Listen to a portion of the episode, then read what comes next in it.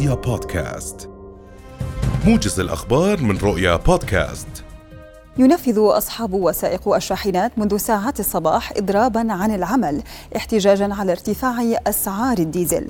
وطالب أصحاب وسائق الشاحنات برفع الحد الأدنى للأجور بنسبة 40% لجميع القطاعات الفاعلة بالإضافة إلى حل مجلس نقابة أصحاب الشاحنات وعمل لجنة تضم وزارتي النقل والعمل وذلك لإدارة عمل النقابة لحين انتساب جميع أصحاب الشاحنات وتخفيض رسوم الانتساب.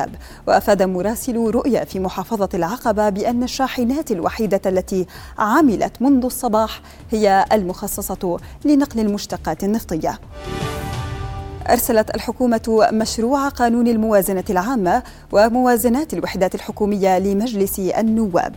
ومن المتوقع أن يدرج رئيس مجلس النواب أحمد الصفدي مشروع القانون على جدول أعمال المجلس ليصار إلى قراءته القراءة الأولى وإحالته إلى اللجنة المالية. وتحتاج اللجنة إلى ما يقارب الشهر لمناقشة بنود الموازنة العامة وموازنات الوحدات الحكومية مع الجهات الحكومية المعنية. أكد الناطق باسم المؤسسة العامة للضمان الاجتماعي شامان المجالي أنه يحق للمؤمن عليه الذي لديه 36 اشتراكا ورصيده لا يقل عن 300 دينار أن يسحب من رصيده الادخاري خلال الفترة التي تسبق بدء سريان التعليمات الجديدة مطلع العام المقبل.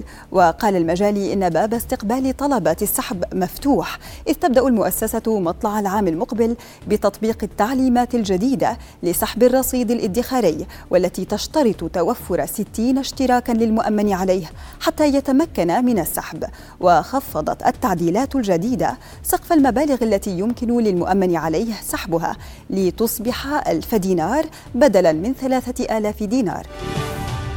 قال جيش الاحتلال الإسرائيلي فجر اليوم إنه شن سلسلة غارات على مواقع عسكرية تابعة لحركة حماس في قطاع غزة.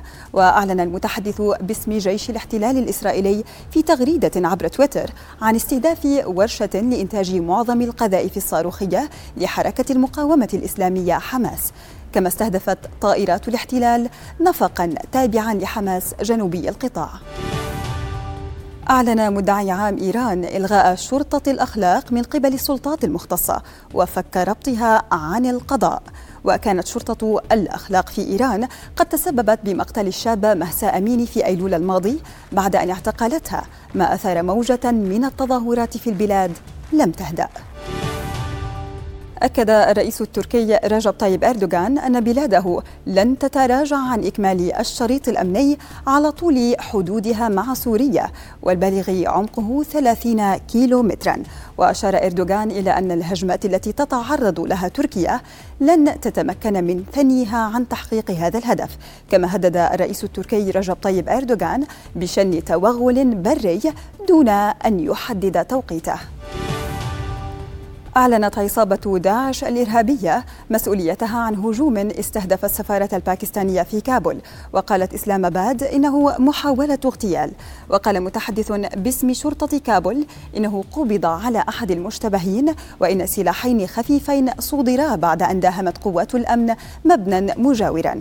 رئيس الوزراء الباكستاني ندد بما وصفه بأنه محاولة اغتيال مطالبا بفتح تحقيق في الواقعة.